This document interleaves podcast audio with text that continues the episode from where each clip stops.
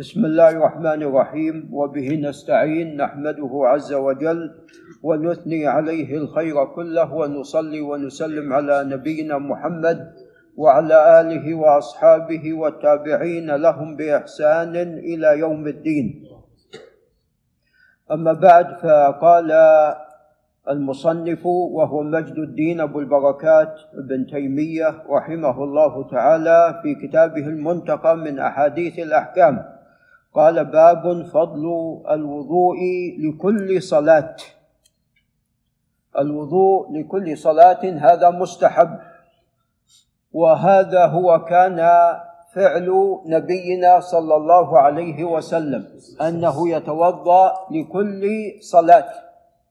وقد جاء في صحيح الإمام مسلم من حديث بريده بن الحصيب رضي الله تعالى عنه أن الرسول صلى الله عليه وسلم في فتح مكة توضأ للصلوات الخمس بوضوء واحد ومسح على خفيه. فقال له عمر صنعت شيئا لم تكن تفعله من قبل يا رسول الله. قال عمدا صنعته يا عمر. قال عمدا صنعته يا عمر. أراد أن يبين للناس أن ما دام الإنسان على طهارة فلا بأس أن يصلي الصلاة الثانية والثالثة والرابعة ما دام على طهارة. نعم. وفي حديث أنس رضي الله عنه وسوف يأتينا أنه عليه الصلاة والسلام كان يتوضأ عند كل صلاة. نعم. فإذا يستحب الوضوء عند كل صلاة حتى ولو كان الإنسان طاهرا. قال عن أبي هريرة رضي الله تعالى عنه عن النبي صلى الله عليه وسلم قال لولا أن أشق على أمتي لأمرتهم عند كل صلاة بوضوء عند كل صلاة بوضوء ومع كل وضوء بسواك. قال رواه أحمد بإسناد صحيح.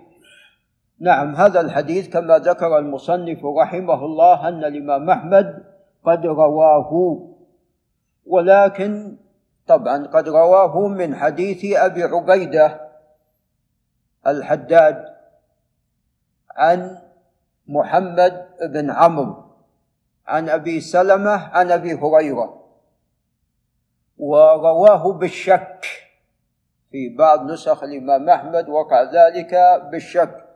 لولا نشق على أمتي لأمرتهم عند كل صلاة بوضوء وعند كل و... أو أو مع كل وضوء بسواك أو مع كل صلاة عفوا بسواك أو مع كل صلاة بسواك. ففي بعض نسخ المسند أو وفي بعضها وهذا ما وقف عليه المصنف ومع بالعطف ليس بالتخيير. وإنما بالعطف. نعم. والحديث في الصحيحين لأمرتهم بالسواك عند كل صلاة. هذا اللفظ الصحيح. وجاء في السنن ولأمرتهم بتأخير العشاء إلى ثلث الليل. نعم. وهذا الحديث قد جاء عند النسائي أيضا بهذا اللفظ من حديث نجيح بن عبد الرحمن السندي عن سعيد المقبر عن أبيه عن أبي هريرة. لولا نشق على أمتي لأمرتهم عند كل صلاة بوضوء ومع كل وضوء بسواك. نعم. وأبو معشر نجيح بن عبد الرحمن السندي لا يحتج به. فاللفظ الصحيح لا أمرت لولا نشق على أمتي لأمرتهم بالسواك عند كل صلاة وفي رواية بالسواك عند كل وضوء. نعم هذا هو اللفظ الصحيح. وجاء في السنن ولأمرتهم بتأخير العشاء إلى ثلث الليل. نعم وتصحيح المصنف لأن ظاهر الحديث يعني الصحة لكن لابد من جمع الألفاظ والروايات ومقارنة بعضها مع البعض الآخر والحديث هو واحد وبالتالي اللفظ واحد. نعم. ليس هو حديث متعددة حتى تعاملها معاملة كل حديث لوحده. هو حديث واحد له أسانيد متعددة وألفاظ مختلفة فيرد بعضها إلى البعض الآخر ويرجح الراجح.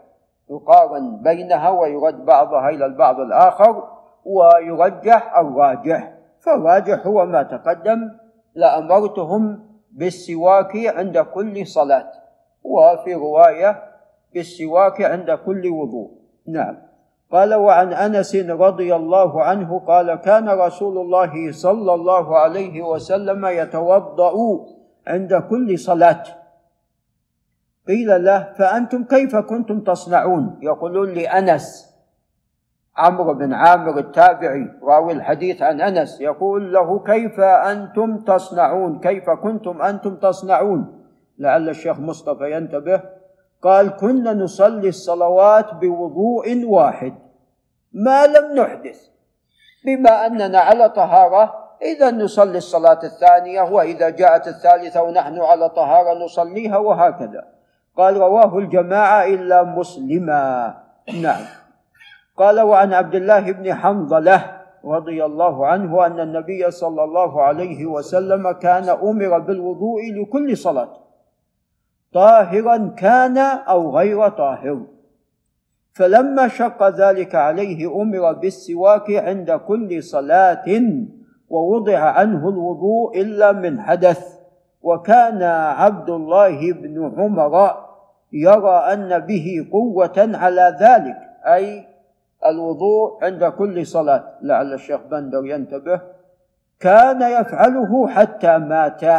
أي عبد الله بن عمر رضي الله عنهما. قال رواه أحمد وأبو داود ولا بأس بإسناده. نعم لا بأس بإسناده ولذا حسنه الحافظ بن حجر في التلخيص. نعم فهذا فيه أنه عليه الصلاة والسلام أمر بالوضوء عند كل صلاة طاهر أو غير طاهر فلما شق عليه أمر بدل ذلك بالسواك. قال وروى الترمذي وأبو داود بإسناد ضعيف عن ابن عمر أن النبي صلى الله عليه وسلم قال من توضأ على طهر كتب الله له به عشر حسنات. وهذا ضعيف ولا يصح. فيه عبد الرحمن بن زياد الأفريقي وهو لا يحتج به عن أبي غطيف. الهذلي وهو مثله عن ابن عمر أيضا ابو غطيف لا يحتج به فهذا الخبر لا يصح. هذا وبالله تعالى التوفيق.